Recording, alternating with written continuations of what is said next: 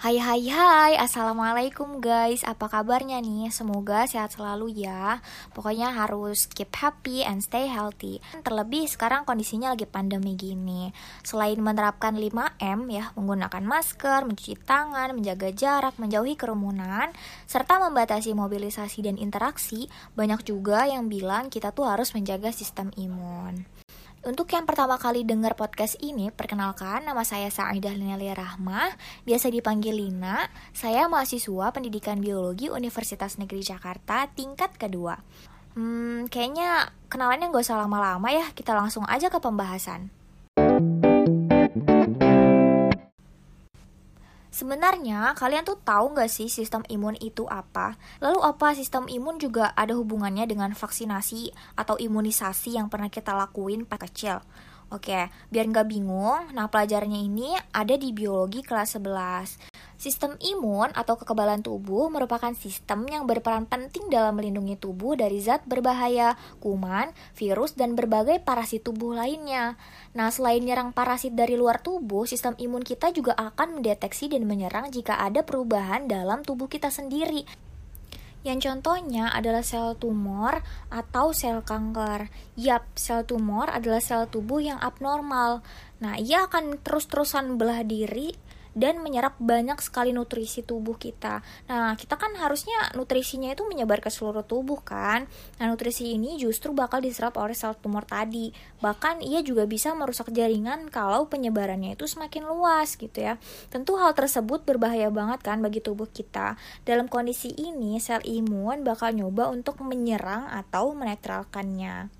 Kenapa sih parasit-parasit itu atau patogen-patogen itu mau menyerang tubuh manusia? Mereka datang bukan tanpa alasan loh guys. Alasan parasit menyerang tubuh manusia yang pertama, tubuh manusia itu merupakan tempat yang ideal bagi parasit karena ada banyak banget nutrisi di dalamnya. Yang kedua, tubuh manusia itu adalah tempat sehingga parasit itu atau patogen-patogen itu bisa bereproduksi dan memperbanyak diri di sana. Intinya, si parasit ini pengen ngambil alih tubuh kita sehingga tubuh kita melemah dan bahkan menyebabkan kematian. Agar hal itu nggak terjadi, maka tubuh kita akan mengembangkan yang namanya sistem imun yang akan menyerang parasit-parasit tersebut. Terus gimana sih cara kerja dari sistem imun itu? Saya menganalogikan sistem pertahanan tubuh manusia seperti sistem pertahanan sebuah kastil terhadap gempuran musuh. Secara sederhananya, kastil ini punya tiga lapis pertahanan untuk melindungi dirinya dari musuh. Lapisan pertama ada dinding yang punya lapisan terluar sekaligus perlindungan pertama dari pertahanan kastil. Kalau kita lihat-lihat di film-film ya, dinding kastil itu dibuat tinggi-tinggi banget gak sih? Dan kokoh tentunya. Supaya kenapa? Supaya nggak sembarang orang bisa masuk atau untuk menahan gempuran banyak musuh yang berusaha masuk. Tapi sayangnya, sekokoh dan setinggi apa pun dinding yang dibangun, gak semua musuh tuh bisa dibendung. Ada aja musuh yang bisa masuk. Terus gimana dong? Ya tenang aja, ada lapisan kedua yaitu pasukan patroli. Nah kalau di istana, jika ada musuh atau orang asing yang berhasil masuk, hmm, otomatis para pasukan tempur ini atau pasukan patroli ini akan langsung turun tangan melawan dan melumpuhkan musuh tersebut ya nggak sih? Tapi pasukan ini nggak bekerja secara pintar loh guys. Nah mereka itu secara membabi buta melibas siapa aja orang asing gitu ya masuk ke kastil. Padahal kan nggak semua orang asing yang masuk kastil adalah musuh ya nggak sih? Dan gak semua musuh juga terang-terangan masuk kastil terus mau bikin rusuh. Pasti ada aja musuh yang diam-diam masuk kastil, bergerilya, menghimpun kekuatan, dan menyerang dari dalam. Terus gimana dong cara ngatasin musuh-musuh jenis ini? Nah, tenang aja. Kalau di kastil atau di istana ada lapisan tiga. Namanya mata-mata untuk intelijen. Biasanya tuh lebih pinter gitu ya daripada pasukan patroli lapisan kedua tadi. Di mana mereka tuh bisa membedakan mana kawan, mana lawan. Mereka juga yang akan memberikan instruksi ke para pasukan untuk meringkus para pembuat onar di kastil tersebut. Nah, tadi kan tiga lapis pertahanan yang ada di sebuah kastil ya. Sekarang kita coba balikin lagi ke analogi sistem pertahanan tubuh manusia. Dari lapisan pertama sebagai tembok Kira-kira bagian tubuh mana yang berperan layaknya dinding kastil dalam menyangkal kuman, penyakit ya atau patogen? Ayo tebak, apa? kulit gitu ya. Kulit yang sehat dan yang utuh akan menjadi garda terdepan dalam melindungi kita dari patogen, guys. Kulit yang rusak atau hilang, misalnya akibat luka bakar, akan meningkatkan resiko infeksi. Nah, selain kulit luar, ada juga membran-membran yang melapisi permukaan bagian dalam tubuh berperan dalam pembatasan tersebut. Namun, layaknya dinding tinggi sebuah kastil, kulit dan membran tubuh itu nggak bisa membendung semua kuman penyakit.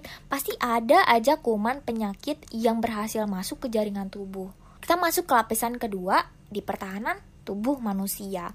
Nah kalau tadi kastil kan disebut prajurit ya, prajurit itu tuh nggak lihat-lihat langsung libas aja. Kalau di pertahanan tubuh manusia ada yang namanya sel darah putih atau leukosit. Nah jadi kalau ada patogen yang berhasil lolos dari barrier atau kulit tadi, maka sel darah putih itu akan menghadang dan menyerangnya untuk merusak parasit besar atau memakan patogen, merespon alergi, dan membunuh sel terinfeksi atau sel tumor. Nah, jenis leukosit yang berperan layaknya pasukan patroli tubuh kita itu ada basofil, neutrofil, eosinofil, dan monosit. Di antara pasukan-pasukan ini, monosit adalah pasukan yang paling badas, guys. Di tubuh kita, si monosit ini bisa berubah jadi makrofag yang bisa menelan dan mencerna mikroorganisme dan toksin pembawa penyakit. Nah, proses menelannya juga nggak tanggung-tanggung. Dia tuh bisa nelan, satu makrofag itu bisa menghajar dan memakan hingga 100 zat asing. Nah, proses memakannya ini disebut fagositosis. Nah, seperti pasukan patroli kastil, makrofag ini akan melibas kalau apa aja yang asing bagi tubuh kita. Padahal kan gak semua zat asing masuk tubuh kita membawa ancaman gitu ya. Kalau misalnya seorang melakukan transplantasi jantung atau ginjal, transplant organ itu akan dianggap asing juga sama si makrofag itu dan bakalan diserang juga. Oleh karena itu, kita tuh perlu sistem yang lebih pintar daripada si makrofag tadi. Sistem yang bisa mengidentifikasi mana lawan, mana kawan. Terus juga sistem yang bisa mendeteksi adanya musuh bahkan sebelum musuh itu sendiri menunjukkan wajah aslinya dan merusak jaringan tubuh kita. Sistem yang menyusun strategi dan memberikan instruksi pada pasukan makrofag untuk membekuk si pembawa penyakit. Nah, lapisan ini atau uh, sistem ada di lapisan ketiga, namanya limfosit. Nah, limfosit ini berperan layaknya mata-mata atau intelijen di sistem imunitas tubuh. Limfosit terbagi menjadi dua jenis, ada limfosit B dan limfosit T. Limfosit B sendiri bertugas untuk membentuk antibodi dan limfosit T bertugas untuk mengenali zat asing mana yang membuat onar di tubuh kita. Oke, tadi kan fungsi dari limfosit B itu untuk membentuk antibodi ya. Apa sih antibodi itu? Antibodi itu adalah lapisan pertahanan terakhir tubuh kita yang melibatkan pembentukan antibodi. Ini juga istilah yang lumayan sering disebut ya dalam kehidupan sehari-hari terutama di masa pandemi ini. Tapi rata-rata tuh pada nggak tahu mekanisme dari antibodi itu sendiri. Nah, kalau kita intip pengertian yang ada di buku cetak biologi kelas 11 ya, antibodi itu adalah protein yang dihasilkan oleh sistem imunitas sebagai respons terhadap keberadaan antigen atau zat asing atau patogen lah ya guys dan akan bereaksi berinteraksi dengan patogen tersebut. Duh, kedengarannya ribet banget ya. Oke, oke, saya akan coba jelasin pelan-pelan. Pada umumnya, molekul antibodi itu berbentuk seperti huruf Y. Nah, bagian dari ujung-ujung di huruf Y ini punya masing-masing antibodi dengan bentuk-bentuk yang unik. Nah, bentuk ujung ini akan berguna sebagai identifier atau yang mengidentifikasi adanya patogen atau zat asing itu. Nah, bentuk tiap antibodi juga akan menyesuaikan bentuk protein khas yang ada di permukaan zat asing yang diresponnya. Contoh ilustrasi sederhananya, Misalnya antibodi A di ujung yang satu, bentuknya bulat, dia akan menyesuaikan bentuk protein permukaan bakteri A yang bulat. Kemudian di ujung yang kedua, antibodi B, dia bentuknya segitiga, dia juga akan menyesuaikan bentuk protein permukaan virus B yang segitiga. Yang ketiga atau yang di ujung terakhir misalnya ada antibodi C, bentuk ujungnya kotak dan akan menyesuaikan bentuk protein permukaan antigen atau patogen C yang kotak. Jadi misalnya ketika ada bakteri A memiliki protein permukaan berbentuk bulat masuk ke tubuh kita, si antibodi A atau yang bentuk ujungnya sama-sama bulat akan bereaksi. Karena bentuk ujungnya sama antibodi A akan mampu mengikat bakteri A serta menahan dan menandainya biar pasukan fagosit atau makrofag tadi bisa langsung datang terus nelen dan mencerna si bakteri tadi. Bisa dikatakan sekumpulan antibodi itu adalah database atau memori yang berisi informasi zat asing atau patogen atau antigen di mana saja yang berpotensi membawa penyakit ke tubuh kita. Nah antibodi ini semacam semacam report dari bad guys yang harus diwaspadai oleh seisi kastil tadi. Nah, dengan memiliki catatan ini, seisi kastil itu bisa cepat tanggap mengatasi the bad guy yang masuk bahkan sebelum doi beneran bikin rusuh. Ibaratnya kalau di tubuh kita, oh oh ya, gue udah tahu nih, lu ngapain aja kemarin gitu ya, lu nggak bakal bisa macam-macam lagi di tubuh ini. Nah, terus gimana sih caranya si antibody ini diproduksi? Sayangnya, secara alami, tubuh kita itu membentuk memori penyakit masih dengan cara yang payah. Maksudnya tuh, tubuh baru bisa memproduksi antibody ketika tubuh terpapar suatu jenis penyakit yang diakibatkan oleh zat asing tertentu. Contoh ilustrasinya gini, ada zat asing X yang masuk ke tubuh kita. Terus tubuh tuh nggak punya catatan informasi apa-apa mengenai antigen si X ini. Terus zat asing ini kawan atau lawan ya? Ya udah deh, kita awasi dulu gerak-geriknya. Baru setelah si antigen itu merusak jaringan, tubuh kita bakalan nyalain alarm. Wah, ternyata dia buat owner nih. Hajar-hajar guys gitu. Dia bilang ke si makrofag tadi. Tapi tubuh udah keburu jatuh sakit duluan guys. Sehingga butuh waktu yang lama untuk memeranginya. Jadi ketika kalian lagi sakit lagi batuk lagi bersin lagi demam itu tuh berarti pasukan imunitas kita lagi perang. Nah ketika akhirnya pasukan fagosit itu berhasil meringkus antigen tadi makrofag itu bakal ngambil beberapa fragmen protein permukaan dari antigen X. Kemudian melapor dan menyerahkan fragmen tersebut ke limfosit T yang tugasnya mengenali protein tadi. Nah limfosit T juga akan menghidupkan alarm dan menginstruksikan pasukan fagosit untuk datang ke TKP, mengkloning diri, dan membantu pembasmian. Selanjutnya, limfosit T akan mengenali atau sense ya, bentuk protein permukaan yang diserahkan makrofag tadi dan meneruskan informasi tersebut ke limfosit B. Nah, akhirnya limfosit B akan memproduksi antibodi yang bentuknya sesuai dengan bentuk fragmen sisa dari antigen atau patogen tadi. Sampai di titik ini, tubuh udah punya informasi dan membentuk imunitas atau kekebalan terhadap si antigen X. Oke,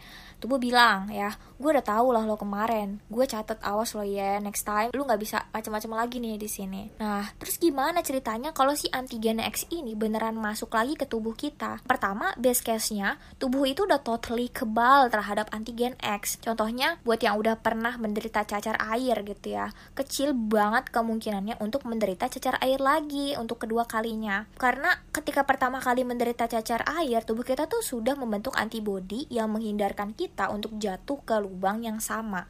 Skenario lain, saat kedua kalinya antigen yang sama masuk lagi ke tubuh, si antigen masih buat kerusakan, tapi nggak separah yang pertama kalinya itu loh. Misalnya demam yang ditimbulkan cukup tinggi dan berlangsung dalam waktu yang lama. Saat kedua kalinya antigen masuk ke dalam tubuh, ya sistem imunitas kita bisa lebih cepat dan tanggap mengatasinya. Hasilnya, demam yang ditimbulkan tidak begitu tinggi dan waktu recovery-nya juga lebih cepat. Tentunya gak efektif banget kan ya guys, kalau kita tuh harus nunggu terpapar suatu jenis penyakit dulu, terus uh, baru punya antibody atau memori penyakit yang bersesuaian.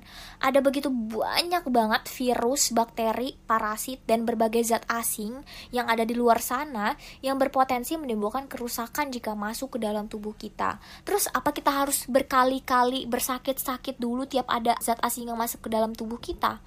Hmm, ada nggak sih caranya untuk memanipulasi sistem imunitas tubuh kita biar dia tuh punya memori penyakit yang cukup komprehensif tanpa menunggu si bad guy itu masuk ke dalam tubuh kita?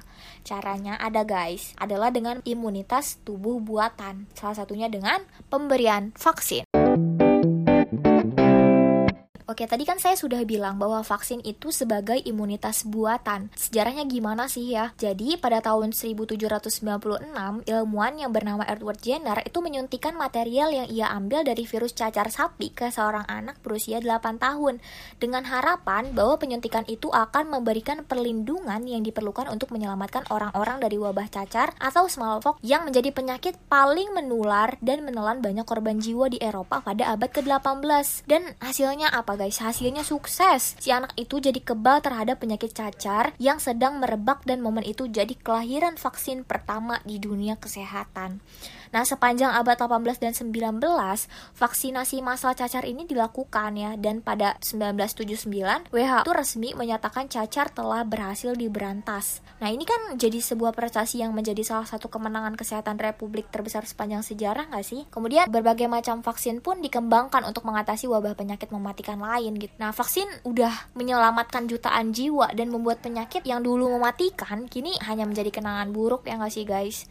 Nah, sebenarnya vaksin itu apa sih? Gitu. Vaksin itu adalah patogen yang mati atau dilemahkan atau toksin yang telah diubah Vaksin dapat memicu reaksi imunitas tetapi nggak nyebabin penyakit. Analoginya vaksin itu seperti musuh yang udah dilumpuhkan terus diarak keliling kastil biar seisi kastil itu pada tahu mengingat wajah dan mengingat potensi ancaman yang dia bawa. Nih ya, kastil tetangga dia tuh bikin onar. Kalau suatu hari kita lihat dia atau komplotan yang masuk ke kastil kita, jangan cuma diem, langsung bertindak. Nah, dengan adanya sistem imunitas buatan ini, tubuh kita bisa langsung proaktif memerangi patogen karena tubuh udah punya informasinya tanpa harus mengalami pengalaman buruk dulu oleh si patogen tersebut. Nah, beberapa contoh vaksinnya ada vaksin TBC, kemudian TFT, kemudian MMR untuk melawan campak dan masih banyak lagi. Oke oke, kita udah ngomongin dari A sampai Z tentang sistem imunitas dan vaksin. Jadi karena kita udah tahu cara kerjanya gitu, terus kalian juga jangan takut ya, kita bantu sudahi pandemi Corona 19 ini dengan vaksin corona bareng-bareng. Tapi jangan lupa cari tahu jenis vaksin yang disuntikan ke tubuh kita juga ya. Jangan asal-asal iya-iya aja. Cari tahu juga efektivitasnya, efek sampingnya, serta apa yang harus kita lakuin setelah vaksin. Oke, sekian guys podcast pada kesempatan kali ini. Semoga bermanfaat. Tungguin episode-episode selanjutnya. Wassalamualaikum warahmatullahi wabarakatuh.